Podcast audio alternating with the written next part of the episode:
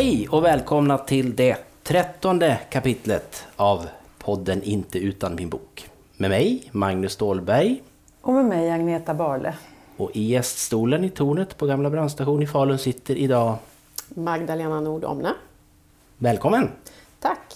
Så kul att ha dig här äntligen. Vi har liksom jobbat på det ett tag kan jag säga. Att du ska komma ja, Nu låter det som jag var nödbedd. Ja. Nej, inte så. Det är du inte. Du är bara så upptagen. Ja, faktiskt.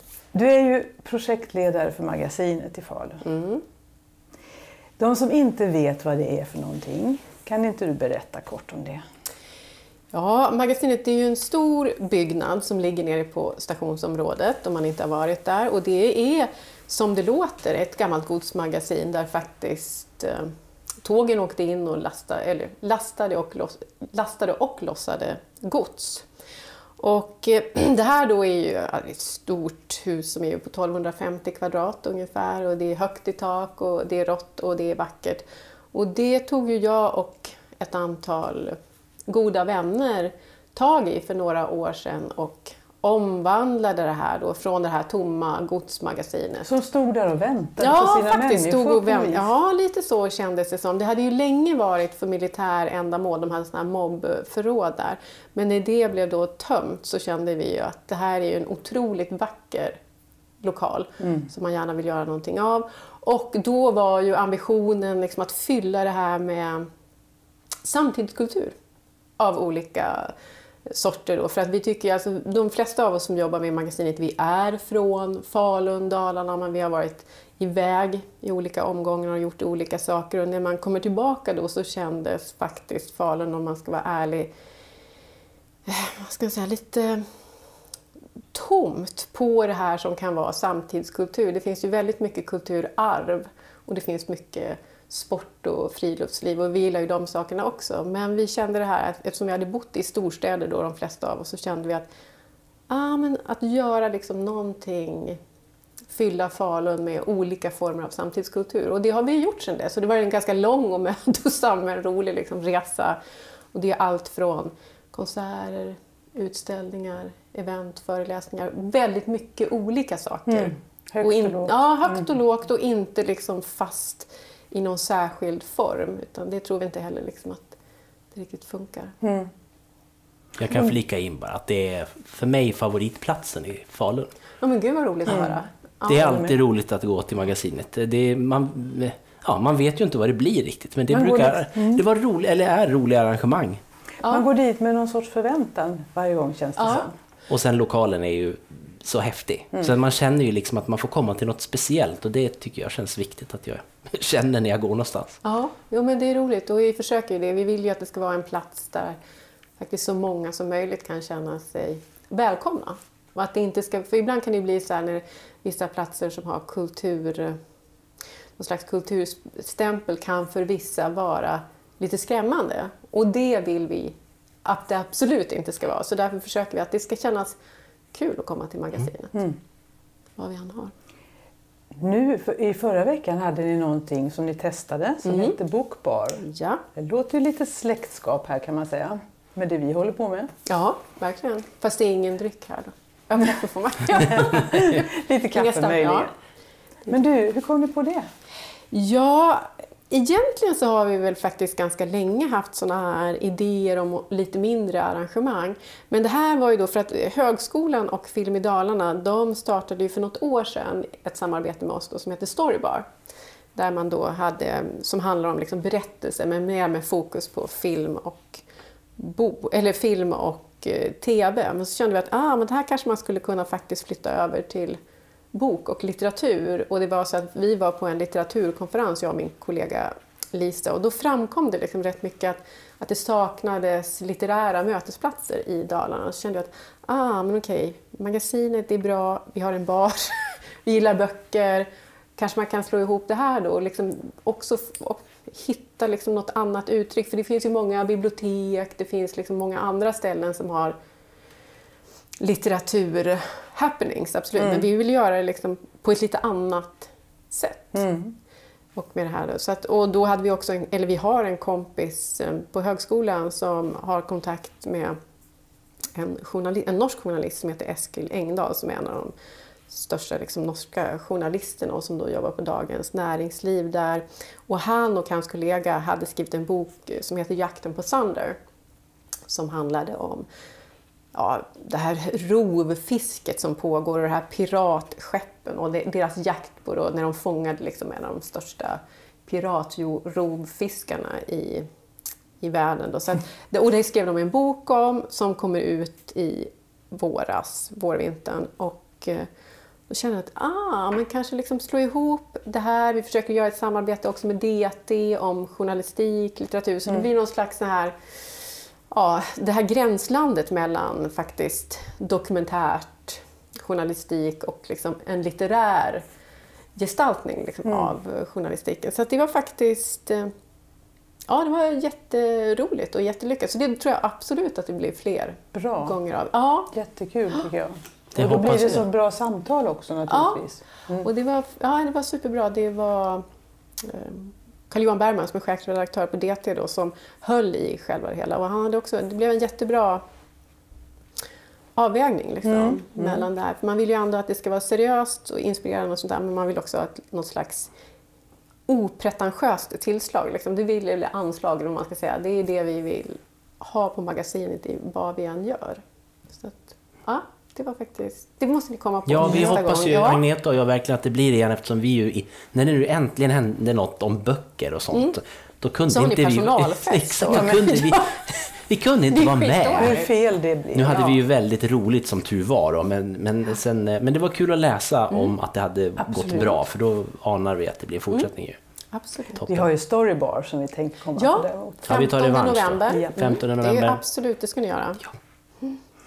Men du Magdalena, du säger att du åtminstone tidigare har varit en bokslukare. När var det du började läsa av egen kraft? Kommer du ihåg det? Nej, det mm. kommer jag faktiskt inte ihåg.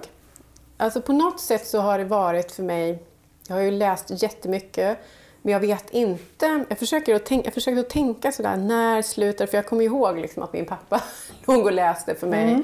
Och sen så kommer jag ihåg att jag har läst själv, men jag kommer inte ihåg övergången. Det jag kom, knäckte koden? Nej, liksom. och jag kommer inte heller ihåg liksom, jag kommer ihåg när man började skolan och så kommer jag ihåg att det satt det här alfabetet liksom uppe på väggen och så skulle man gå ut och så skulle man rabbla alfabetet för fröken. Och då var det liksom en av mina kompisar, hon kunde gå ut och göra det här direkt. Vi har nog inte ens liksom tänkt på det och jag är jäkligt tävlingsinriktad. Liksom. Så jag tänkte, ja ja, det måste jag ju lära mig. Liksom. Så det gick väl rätt fort så.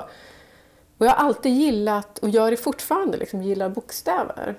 Jag tycker också att bokstäver är snyggt. Liksom. Det är någonting som drar. Men jag kan inte jag kan inte riktigt komma ihåg. Liksom. Det är varken, jag har inget minne av att mina föräldrar har tragglat det med mig och jag kommer inte heller ihåg att jag lärde mig i skolan. Så det är mer...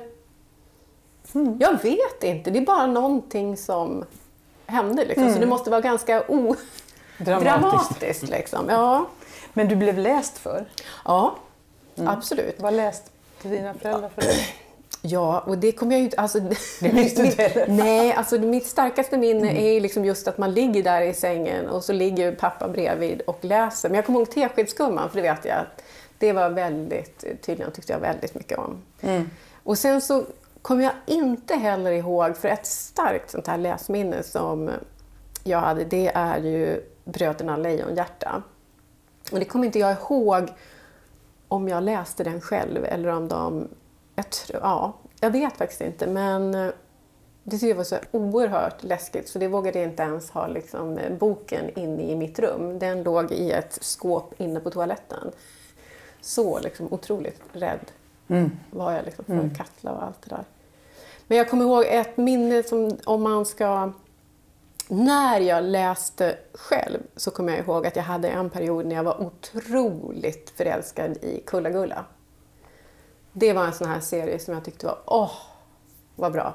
Och jag tyckte också att liksom, det var någonting jag njöt av, liksom, att se de här böckerna. Ryggarna, ja. ja. Vad hade de för färg? ja, det var så lite, alltså när jag tänker tillbaka så tänker jag att det var lite så här ljusblått, att det var liksom något sånt skimmer över hela, men det vet jag inte. Men framförallt så var det att jag tycker att hon var så otroligt vacker. Liksom. Mm. sen var det väl att hon hade något slags liksom, jag vet inte, rättvisepatos och liksom vågade stå upp för saker och ting. Så det är faktiskt en väldigt stark, Kulla-Gulla har liksom en, ja, en kär plats i mitt hjärta faktiskt. I många orsaker. Jag tänker, Ann på Grönkulla var också Ja. en sån.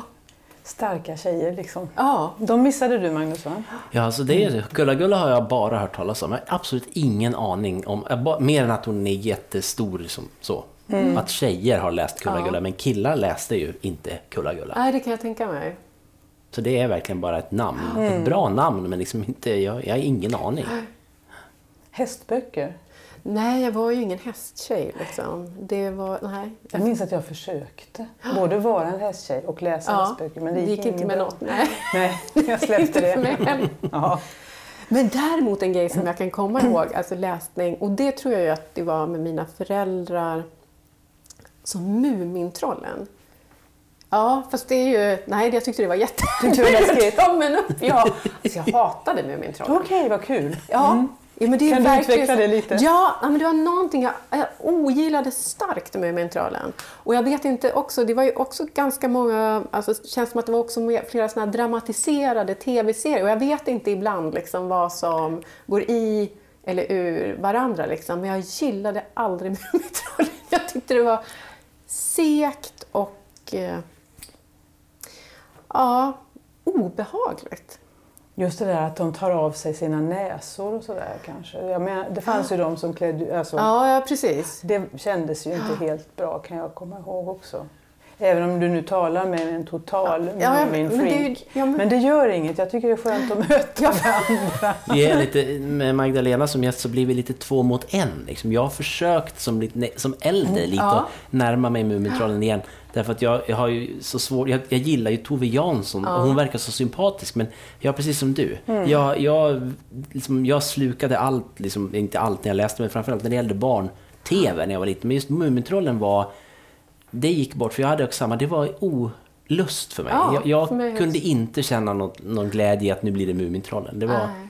så. Vet ni att jag tror just det här med dramatiseringen att det ofta tog ner det. Det är samma som de sånger som fanns var väldigt vemodiga och sorgsna. Nej, det som är för mig det är ju de där riktiga böckerna, Trollkarlens hatt och Kometen kommer och, och de böckerna. Det är en annan division kan jag tycka. Ja. Sen tycker jag hemskt mycket om själva formen. Typ Muminmuggar och Ja. sådana saker. ja, de är ju jättefina så. Liksom. Men, det, men det var intressant för jag kände också, för Mumin, alltså Mumin har ju alltid och är ju fortfarande väldigt rätt. ja men så kan jag känna, att man ska ju tycka om Mumin. Så att jag försökte det här med mina egna barn också, liksom, att få, här ska vi försöka få in Mumin. Och utan att jag liksom skulle på något sätt färga dem med att inte jag gillade Mumin. Men intressant nog, alltså, så faktiskt till slut så stod eh, Fabian, min äldsta, bakut och sa han tänkte, nej, ingen mer Mumin. Och framför allt, ja, men han var livrädd för morran. Ja. Och det är kanske det som jag var liksom för Katla. ja, det är också lite så här, samma. att Ja. oerhört, det kanske väldigt starkt. Ja. Liksom. För barn behöver ju den rädslan också. Men visst, jag förstår precis vad du menar. Det är svårt, just det här med att, att eh, nu var ju inte Mumin en favorit för dig utan tvärtom tänkte du att du vill ge dem en chans då. Men jag tänker sån som Jan Löv som jag ju verkligen älskar. Har jag ju försökt att, pra- inte pracka på utan väldigt fint försöka smyga in lite Jan Löv när man har läst och sådär. Det har ju funkat sådär känner jag. Och Inte har ens Sagan om det gröna äpplet. Nej, det är ja, men jo, det, det är väl det kanske den som går, men det är väl de här bilderna är nog lite antingen eller. Alltså, jag älskar ju de illustrationerna, men det är lite läbbiga figurer. De är ju inte så här jättemysiga, det är inga Nej. smurfar. Liksom. Nej. Nej, det är inget du kan lita på så. Nej, Nej. men... men ehm, mm. Men du sa, eh, dina föräldrar höll på med, eller jag lyfte fram Mumin då, för, för dig, eller? Ja, alltså jag kommer ju inte riktigt ihåg vart... Alltså jag, jag kan tänka mig att vi läste säkert Mumin också, men det är också, det, är- som jag säger, det går ju ihop det där med vad, Ja. jag, vad man såg på TV och vad man faktiskt läste. Men hade ni mycket böcker överlag hemma? Otr- ja, gud ja. Vi har ju jättemycket böcker. Mm. Mycket bokhyllor och eh, sånt. Och liksom haft verkligen bokläsande föräldrar. Så. Men jag har faktiskt inte... Inget så som att de har... eh, jag har inget faktiskt minne av att vi egentligen har diskuterat läsning. Alltså på så sätt till att de har försökt att liksom Det där borde du läsa. Ja, nej, nej, inte liksom allt så. Utan det är, liksom, det är mer som att man har läst, man har mycket böcker omkring sig. Och sen så... Jag vet faktiskt inte hur liksom jag kom in i det själv. För jag har ingen känsla av att de har... Nej, men inte just det där att det, det har i alla fall inte varit någonting pådyvlat. Nej. Sen så tyckte jag väldigt mycket om, och det var väl tidigt, det här att jag kom ihåg att biblioteket. Mm. Jag gillade liksom att vara på biblioteket och jag tror att det började med såna här sagostunder och sånt där som de hade då. Liksom. Och biblioteket hade även filmvisning ibland om man var där nere. Det tyckte jag också om. Så att biblioteket var liksom en varm plats i hjärtat om man tänker så här på barn och ungdomstid. Men sen måste jag erkänna att jag har kommit ifrån det och jag har inte alls varit liksom på samma sätt liksom fått mina barn att uppskatta den miljön. Den har bara funnits där i största allmänhet så att säga. Ja, men inte liksom, för mig så är det finns. liksom en Ja, men det är liksom en plats mycket mer och liksom, tror jag en känsla av att liksom vara bland böcker och bland det här liksom massa som jag gillade. Men det tror jag inte riktigt att jag har lyckats. Okej, man kan inte göra allt. Nej. För jag Nej. tänker mycket att det, finns, det är så sinnligt, det är så mycket dofter också på Ja. bibliotek. Hur böckerna luktar Ja. och så. Ja. Ja. Du, ehm, men då köper du mest böcker, du lånar inte så mycket med andra ord. Eh, ja. Eh, Är det i bokform, höll säga, pappersform så, eller läser du dem i en paddan eller Nej, lyssnar du på? papper. Mm. Och inte lyssna heller. Nej, där skiljer vi oss lite. De tittar på mig kan jag Ja. säga, Ja, för det er som lyssnar. Ja. Jag är ju, fast nu är det ju så att jag är lite pappersbok. Jag satt ju igår, det återkommer vi ju till. Men Ja. nu satt jag med stora pappersböcker och tittade. Men annars så lä- använder du? Eller? Ja, jättemycket. Så sent som igår då, så, så ehm, lånade jag en ny bok som jag säkert kommer att prata om här senare Ja. i ett annat kapitel. Men, men jag lånade den direkt ner i paddan. Jag Mm. såg att Åh, den här vill jag, lånar hem den och kan börja läsa direkt. Jag tycker det är otroligt bra. Och sen att den kommer ihåg vad jag är. Om Mm. jag råkar somna, eller det ska man inte göra med en padda för det kan gå illa. Men, men, men att jag lägger ifrån mig, jag behöver inte tänka på något. Utan när jag tar upp den nästa gång, då är jag det jag var senast. Du tänker inte, för jag tänker så här att åh, jag måste vara mer aktsam om en padda. Och jag tänker så här, det är så skönt. Jag är sån där som gillar att läsa liksom, på strand och i sand och sånt där också. Jag tycker det är så skönt att kunna vara lite oförsiktig. Liksom. Ja, men jag är nog, jag är nog, och det var samma sak där om jag återkommer till den här stora boken jag satt och läste igår. Jag är så himla rädd om böcker så att jag skulle nog inte kunna ta med mig en bok till stranden om, inte, om jag... Nej, jag, jag kan inte göra det. det är helt, jag tänkte på det igår igen. Det, mina saker ser oanvända, alltså mina böcker ser oanvända ut. Och jag Du är tänker, lite pedant, Ja, men alltså, jag tycker de är så, jag vill inte förstöra, de är så Ja, fina jag liksom. Jag vill inte bryta dem och, liksom, och så blir det väck och sådär. Du gör inga såna här små hundar? Nej, det är, och det är totalt förbi. Fast jag har ju blivit bättre ska jag säga.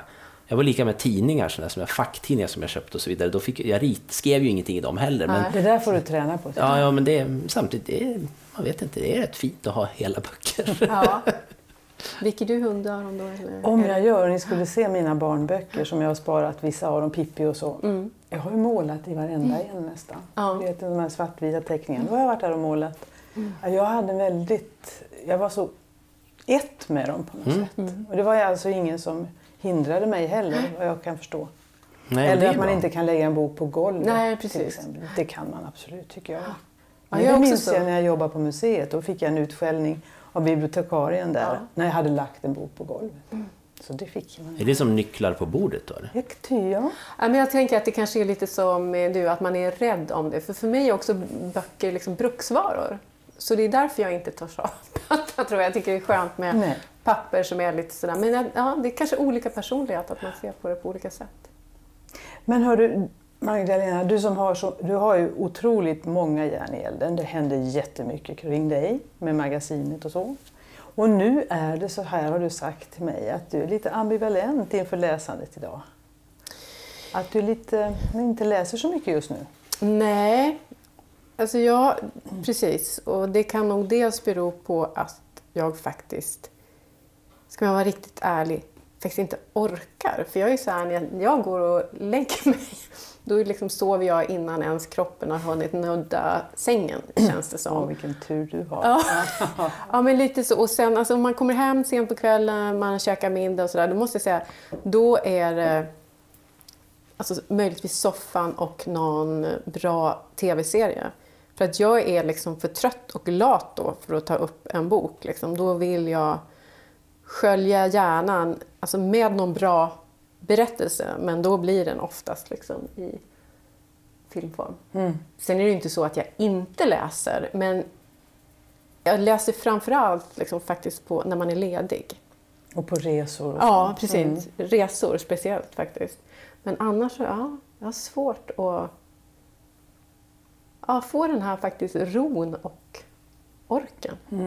Du känner igen det där? Ja, men det där känner jag ju igen väldigt väl och nu när vi har gjort den här podden i ett gäng avsnitt så det kan vi ju avslöja att ambitionen var ju att Agneta och jag skulle varva med att det ena kapitlet skulle jag prata om en ny bok och i nästa skulle Agneta göra det och så skulle vi ta en gammal bok från någon gammal favorit. Men det har ju blivit väldigt mycket så att Agneta har kommit med de nya och jag har fått ta de gamla. Ja. För att jag har också haft en sån period när, när det liksom inte finns tid, alltså det här att tiden att, att landa i en bok och, och liksom vara i den, för det vill jag hemskt gärna vara, jag tycker jättemycket om det, men när, precis som du säger, alltså, om jag lägger mig ner och ska slappna av, då, då somnar jag. Liksom. Det, har varit, det är så. I livet blir det så ibland. Och det, då, då får läsning stryka på foten. Sen har det ju varit mycket att jag har lyssnat mycket på böcker när jag har varit ute och sprungit och så där. Men samma där, då blev jag skadad och sprang inte. Nej. Och då, så det blir ju så. Men, men så jag, kan, jag brottas ju lite med att jag kan sakna det där, att det inte... Det där suget liksom. Och att det verkligen, men jag har inte riktigt ron känner jag. Med Jag en tror man bok. kan vila i det lite också, att det går i perioder. Ja, nu är det absolut. så här och nu läser jag inte särskilt mycket. Och sen kommer en period när du kommer att göra det, det är helt hundra. Ja, alltså jag hade ju många år när jag ju aldrig läste böcker. Så, så att jag menar, det är inte så att jag har varit en bokslukare hela mitt liv. På intet sätt. Men, men Men håller du i ordning på vad som kommer ut och sådär? Eh, ja, ganska bra tycker jag nog ändå. Fast jag har ju en tendens att glömma bort. ja, men jag är ju sån här, liksom, det första jag läser i liksom, tidningen det är faktiskt kultursidorna alltid. Bara för att jag tycker att oftast så står det där om saker och ting som intresserar mig. Liksom. Så jag, det är...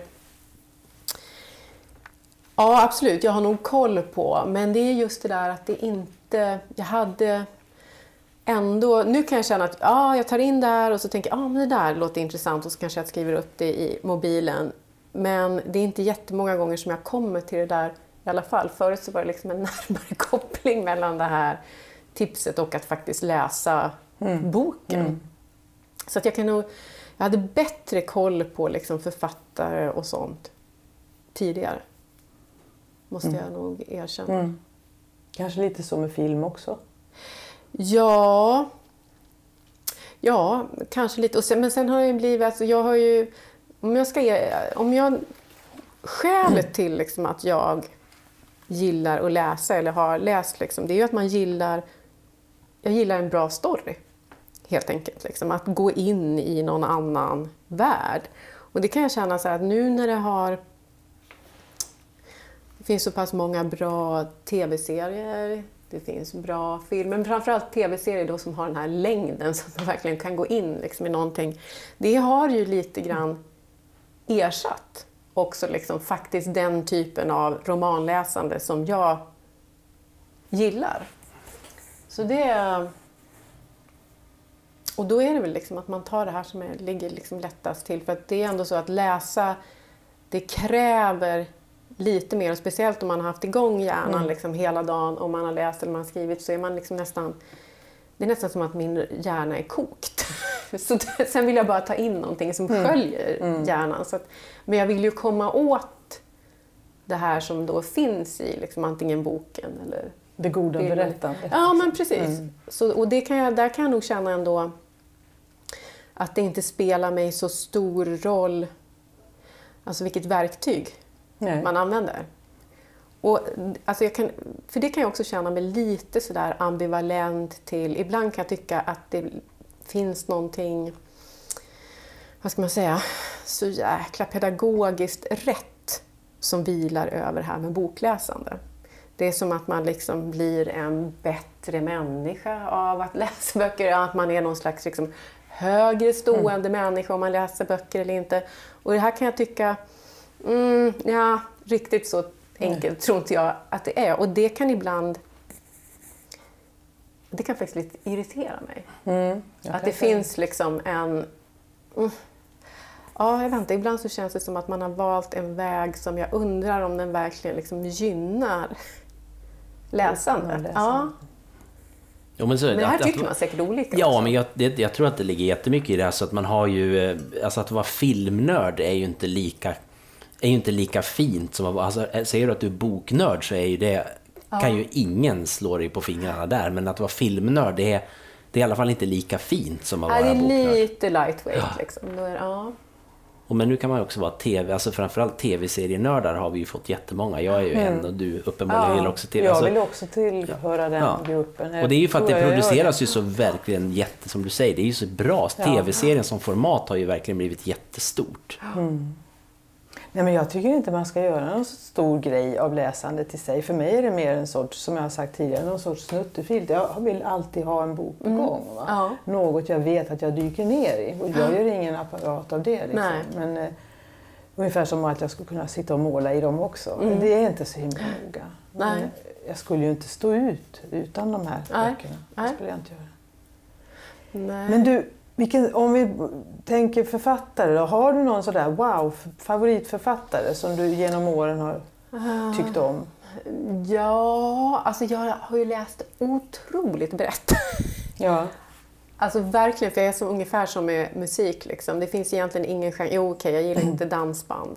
Och jag kanske inte gillar sån här chickligt. Liksom. Men överhuvudtaget så tycker jag att är det bra så är det bra. Liksom. Sen så kan jag uppskatta det för men jag har ju alltså jag, Joyce Carol Oates är ju absolut liksom en favorit som jag har läst många böcker av. Så många så jag inte knappt kommer ihåg tror jag vad de heter.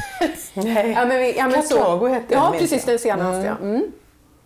Snacka om berättare. Ja, ja, men exakt. Och hon berättar, jag tänkte på det, ja, du har ju också läst den, att det känns ju nästan som att gå in i en, för mig så känns det som att gå in i en film eller en tv-serie. Det är verkligen ett hon har den typen av berättande mm. i vissa av sina romaner. Sen så gillar jag jag var väldigt, men det var ju när jag var väldigt mycket yngre, men Singer tyckte jag var, läste jag hur många som helst av då också. Sen gillar jag P.O. Enquist, tycker mm. jag också är en fantastisk svensk författare. Mm. Det kommer man långt på. Ja. P.O. Enquist. Ja, det tycker jag mm. också. Kerstin Ekman tycker jag också är bra. Det är...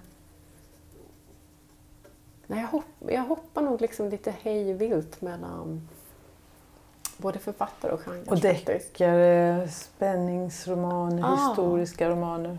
You name it. Ja men faktiskt lite mm. så, you name it. Det är också så ganska alltså, Om man läser en bokrecension eller man får en tips av någon och man tänker att det här mm låter spännande. Liksom. Så att jag, men jag kan nog säga så jag gillar, jag kan nog ändå vara lite svag för det här om, om det finns något slags spänningsmoment i en berättelse. Sen behöver det ju inte vara jag menar, tittar man till exempel på Kerstin Ekmans Händelser vid vatten så tycker jag liksom, men där finns det ett väldigt tydligt spänningsmoment men det kanske ändå inte klassifieras som en deckare eller thriller. Alltså, men jag kan nog ändå ha, jag gillar nog vissa saker som driver fram. Men samma i Kartago också. Liksom. Där finns det ju också... Det finns Ett försvunnet slags... barn? Ja, eller? precis. Mm. Ja, så det kan ju...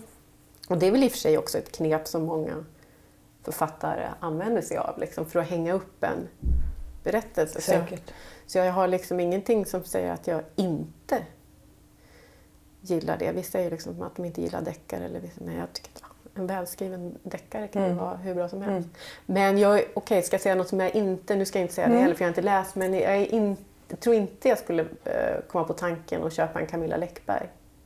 Och det låter ju jättehemskt när jag säger så då. För så ska man ju inte säga heller av någon som man inte har läst. Men, man måste väl få följa tycker jag. Ja, ja men Mm, precis. absolut. Det är, men det känns, inte liksom, det känns inte riktigt lockande. Och kanske är det så, det vet jag inte, nu pr- pratar vi för jag åtminstone fördomar. Det där att en författare kan nästan stå i vägen för sina böcker. ex, ja, Man kan, ja, tack, det är bra. precis. Nej, men och där har man väl, jag tror att det har gått även där några såna dramatiseringar, några såna tv-serier. Man känner väl också att det kom väldigt många av en viss typ Mm, mm. lightweight-deckare, liksom Mm. svenska ett tag, så man känner att nej, inte en till Nej, sant. sån här. Har du någonting på gång nu alls? Läser du något just nu? Ja, just nu så faktiskt köpte jag i lördags så köpte jag Livet av Åsa Moberg. Ja. För det tycker jag också hennes... Eh, eh, vad heter det? Ja, men dels den här Simone och jag, men det är ju också, hon har ju också översatt där eh, Simone de Beauvoir. Ja. Ja, Mm. precis. Och det, de har jag också slukat. Liksom. Så, Mm. det, så vi får se. Mm. Har du någonting, nå- som du vill, någon bok som du vill tipsa våra lyssnare om? Ja, om man ska säga alltså, eftersom Joyce Carol Oates är en av mina stora favoriter så kan jag ju säga att den nog absolut bästa boken som jag har läst i hela mitt liv, det tycker jag nog är Blond. Mm. Faktiskt. Där Magnus, där har du en tjock bok. En tjock. Mm, just det, det återkommer. Just det, det där tycker jag är kul när du säger att- just att höra någon säga det här är den bästa bok Ja. jag har läst. För det Mm, har man ju. Nästan var och en av oss har ju det. Och det, då menar man ju verkligen, för det, Ja. det är verkligen en bok som visar att boken kan vara ruggigt kraftfull. När det är verkligen Ja. man bara minns att det där var grejen. Ja. Jo, men det är ju där på något sätt så tar ju hon sig in i Marilyn Monroes huvud och på något sätt då liksom gestaltar. Och det är ganska... ja, Jag tycker att den var fantastisk för att den också är så här... Den är lätt hallucinatorisk om jag ska säga så. Och jag gillar såna böcker. Jag gillar Utveckla det liksom som... lite. Vad sa du? Utveckla det lite. Ja, men alltså jag gillar att liksom förhå- alltså någonstans vara i det här gränslandet liksom, mellan Ja, mellan allt. Mellan vad? Jag vet inte. Ja, men dröm och verklighet och liksom tankar och vad som är fiktion och vad som är fakta. Så jag, jag gillar nog att vara där för att jag tycker att det på något sätt är någon slags igenkänningsfaktor för mig för att jag tycker att det är så livet är. Vilket gör det lätt besvärligt ibland. På något sätt så liksom. Så att då tänker man, ah skönt, det kan finnas någon mer som är störd. Så att, eh, nej, den tyckte jag var jättebra. Och det är faktiskt, om man ska återknyta till, jag läste för inte så länge sedan eh, Niklas Ekdals eh, Hur jag dog. Och där skriver han Också journalist, eller Ja? Mm. precis. Han är också journalist och han råkade ut för en sak och han då, det här handlar om hans självmordsförsök och liksom försöket att på något sätt komma tillbaka efter en svår och djup depression. Och då skriver han där i bland annat att den mest avskyvärda bok han har läst, liksom, det är Blond av Joyce Carol Oates. Jo, men jag tror att, liksom, jag tänkte på det, jag undrar varför han säger så, men jag tror att det är därför att det är också det här att någon annan går in i någon annans tankar och säger sig liksom för fram. Och det är nog det värsta som skulle kunna hända honom. För att om man läser hans bok, som för övrigt är rätt bra, som man gärna kan läsa, men någonstans så känns det som att Niklas Ekdahl genom allting på något sätt ändå är väldigt mån om att framstå som en väldigt smart och intelligent person. Och journalist. Ja, men och den här liksom som har på något sätt fullt, full koll och han vill gärna styra, tycker jag att det känns som, mig som läsare, att jag ska ha en viss uppfattning om honom. Även om han klär av sig själv så vill han att det ska kännas som han är en oerhört smart person som klär av sig själv, tycker jag det känns som. Och det är klart, då kan han ju inte fixa en sån bok. Nej, nej jag tänkte här att han skulle också, för det, var, det skulle vara liksom det värsta som skulle kunna hända honom. Liksom att någon... Och jag kan förstå honom också. Så, men det var lite kul att läsa. Och det är så skönt, hennes research måste ju vara enorm till den Ja. boken. Och ändå så märks det liksom inte. Hon bara har det. Ja. Det finns där som en, en matta på något sätt. Ja, jag tycker det. Ja, den är häftig. Bra. Ja, det är ett, ett fett tips faktiskt, på många sätt. Ja, Magnus, ska vi, ska vi komma konkandes med varsitt Ja, men det tycker då? jag väl att det är dags för. Ska jag börja? kan du göra. Ja. ja. För då kan vi... vi Du har inte sagt så mycket just Nej, nu. precis. Nej, jag har suttit och tänkt och lyssnat. Det är så spännande. Jag, nu tänkte jag knyta an lite grann för att vi, vi var ju och ryckte lite i Magdalena i början på sommaren och tänkte att du skulle komma hit då därför att då hade magasinet precis på gång en eh, jättespännande utställning av fotografen Nick Brandt. Och eh, eftersom jag har en relation med honom, han vet inte om det, men, men vi har det. Eh, så tänkte jag då den gången att då pratar vi lite böcker som handlar om foto, alltså fotoböcker då. Men jag tycker vi gör det idag istället då, eftersom det, nu har utställningen varit eh, och det var ju för övrigt en, en otroligt vacker utställning. Ehm, och vad jag förstår var den väldigt lyckosam också. Det var några stycken som kom och tittade. Ja, det var faktiskt eh, jättemånga som kom och såg den. Det var, nej, det var jättekul att det blev så bra. För att vi slet rätt mycket. Ja, men det var ju ingen fantastiskt. Alltså det, det, det, om man ska försöka, om jag ska, ge mig, ja, om jag ska ge mig på att beskriva den så är det så att för det första, magasinet är en, en, en stor lokal. Om den inte har någonting i sig så är det ett stort rum. Och så tänker man att man ska gå på en fotoutställning på magasinet. Då, då känner man att det kommer att bli spännande bilder. Men undrar hur de har hängt ändå, för det är liksom stort och så. Och sen hade ni byggt en slags upptäcktsfärd i, i lokalen. Liksom. Och det var ju och, och det var så med färg, alltså det var ju en, någon slags brun känsla i, i den bästa av svart form. faktiskt. Ja. Valsvart. Ja, till och med det var det. Men den upp, då, i och med att det var lite ljus så blev det lite känsla. Jag- Jag gick i en sån här riktigt positivt bra brun känsla. då. Men, och, så, och det är ju naturligtvis, hans bilder drar ju lite sepia så, det är väl det. Men det var en, en jättebra utställning och sen är då, eh, så jag kommer in på ämnet, Nick Brandt eh, är ju en väldigt eh, han är ju en av de kanske, inte vet jag, men de nutida mest berömda aktiva fotograferna kan man väl säga. Absolut. Han har ju ställt ut det fyra gånger eller något på Fotografiska bland annat. Ja. Om man säger, om du säger att Sverige är det som är, är världen så har han i alla fall ställt ut mycket här. Då. Och då var det så att han ställde ut en ehm, Eh, han hade en utställning, du, den, undrar om det är den senaste eller har det blivit näst senaste? Förra året i alla fall var det en utställning som hette Inherit the Dust. Om jag minns rätt. Ja, precis. Inherit the Dust hette den. Och den handlade om att han hade eh, plockat bilder ur sin eh, produktion, både visade och icke visade, och gjort jätteprintar. Om de var, kommer jag inte ihåg hur många meter de var i, i, i Ja, de var jä- i alla fall jättestora som man behövde ha ställningar för att hålla uppe dem i, då, träställningar. Och så ställde han ut djuren i den miljö där de en gång hade varit i Afrika. Afrika är hans stora grej, att han har fotat i Afrika. Så han har ju ställt elefanter på en soptipp och så. Eh, och det var den stora bok jag satt och blandade, eller bläddrade i igår då. Eh, och det är nog den utställningen av, av Nick, eller på, som har varit genom åren på Fotografiska som jag absolut har blivit mest berörd av. Därför att jag tyckte det var så otroligt det blev så påtagligt hur, hur destruktivt människan hanterar jorden. Det var liksom det ultimata beviset på det. Att han ställer, och han har också naturligtvis placerat de här bilderna så att eh, horisontlinjen går i, i, linje med den befintliga horisonten där han är då. Och, sen, och det, blir- det blir så bisarrt att se en, en elefant som står eh, placerad då, och man ser under armen på en, en stor grävmaskin där. Liksom. Ehm, och dessa soptippar där människor idag går runt och letar mat då, där det förut sprang vilda djur.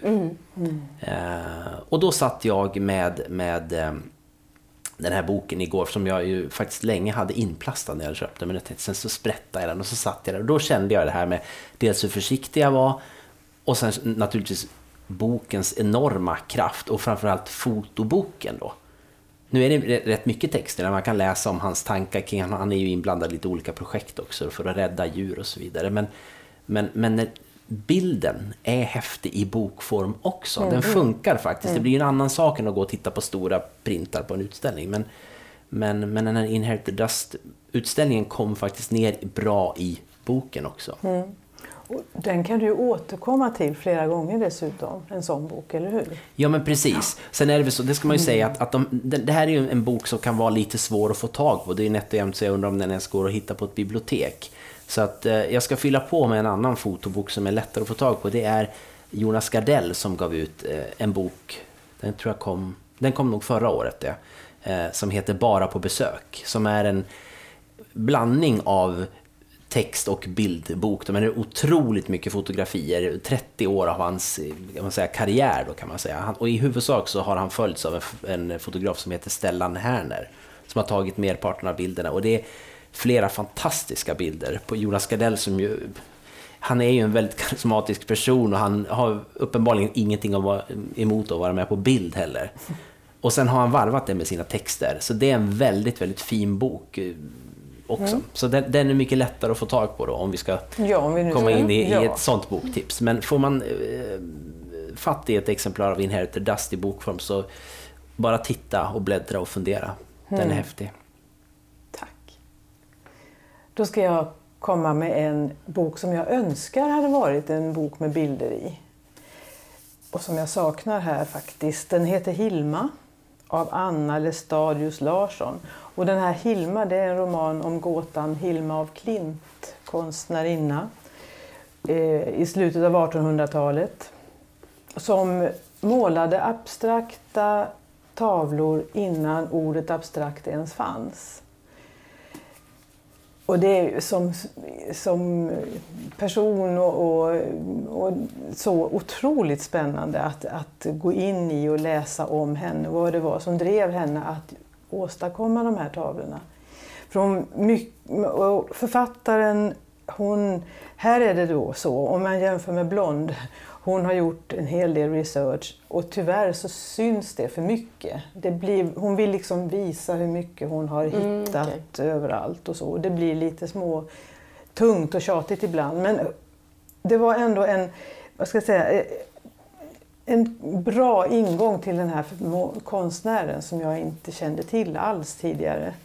Ehm, hon, hon var ju en föregångare eftersom det hon gjorde liknade ju ingenting som någon hade gjort tidigare och det innebar ju också att hon, hon kände på sig att det här är inte världen mogen för. Det är ingen idé att jag ställer ut det här för det är ingen som kommer att fatta vad det är för någonting.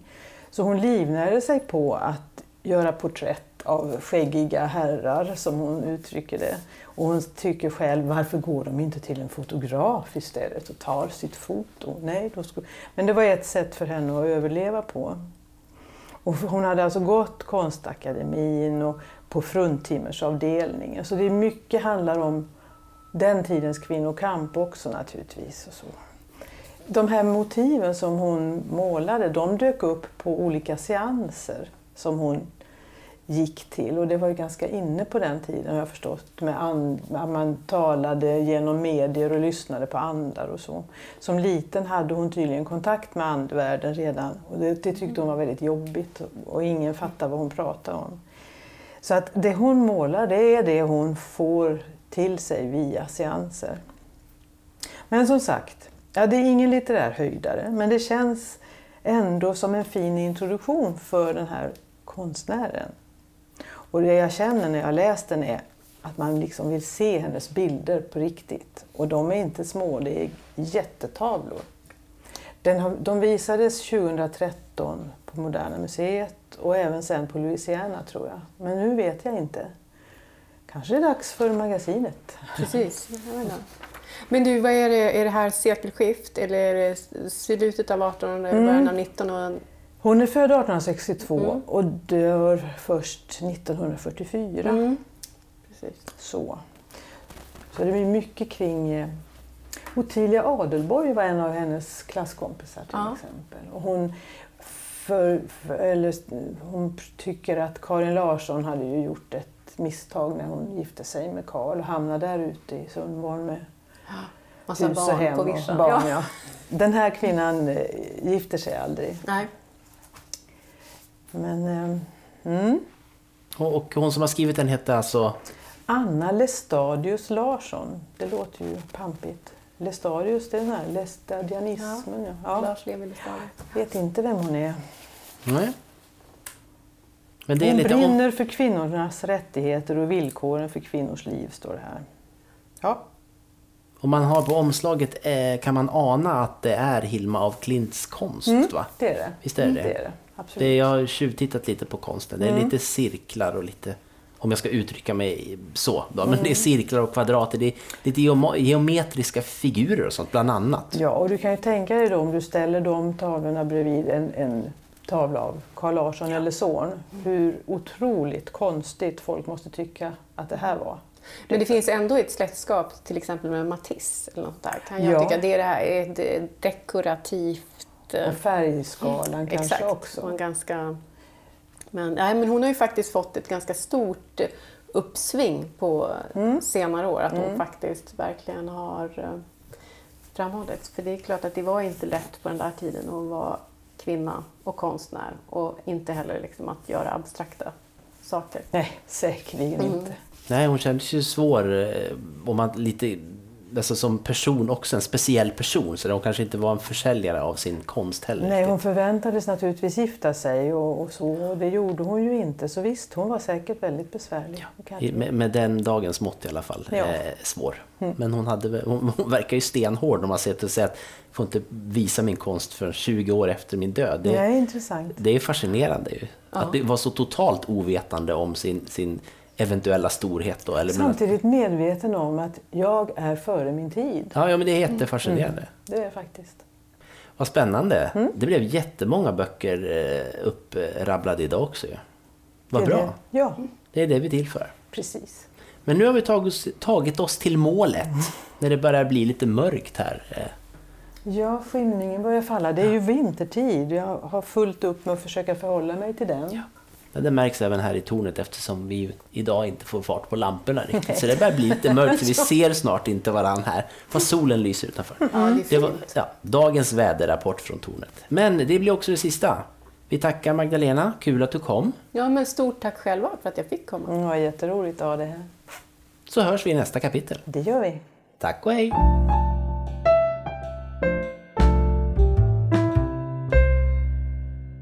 Du har lyssnat på ett avsnitt av podden Inte utan min bok som produceras av Magnus Stålberg och Agneta Barle. Mer information om avsnitten hittar du på skrattpiller.se inte utan min bok.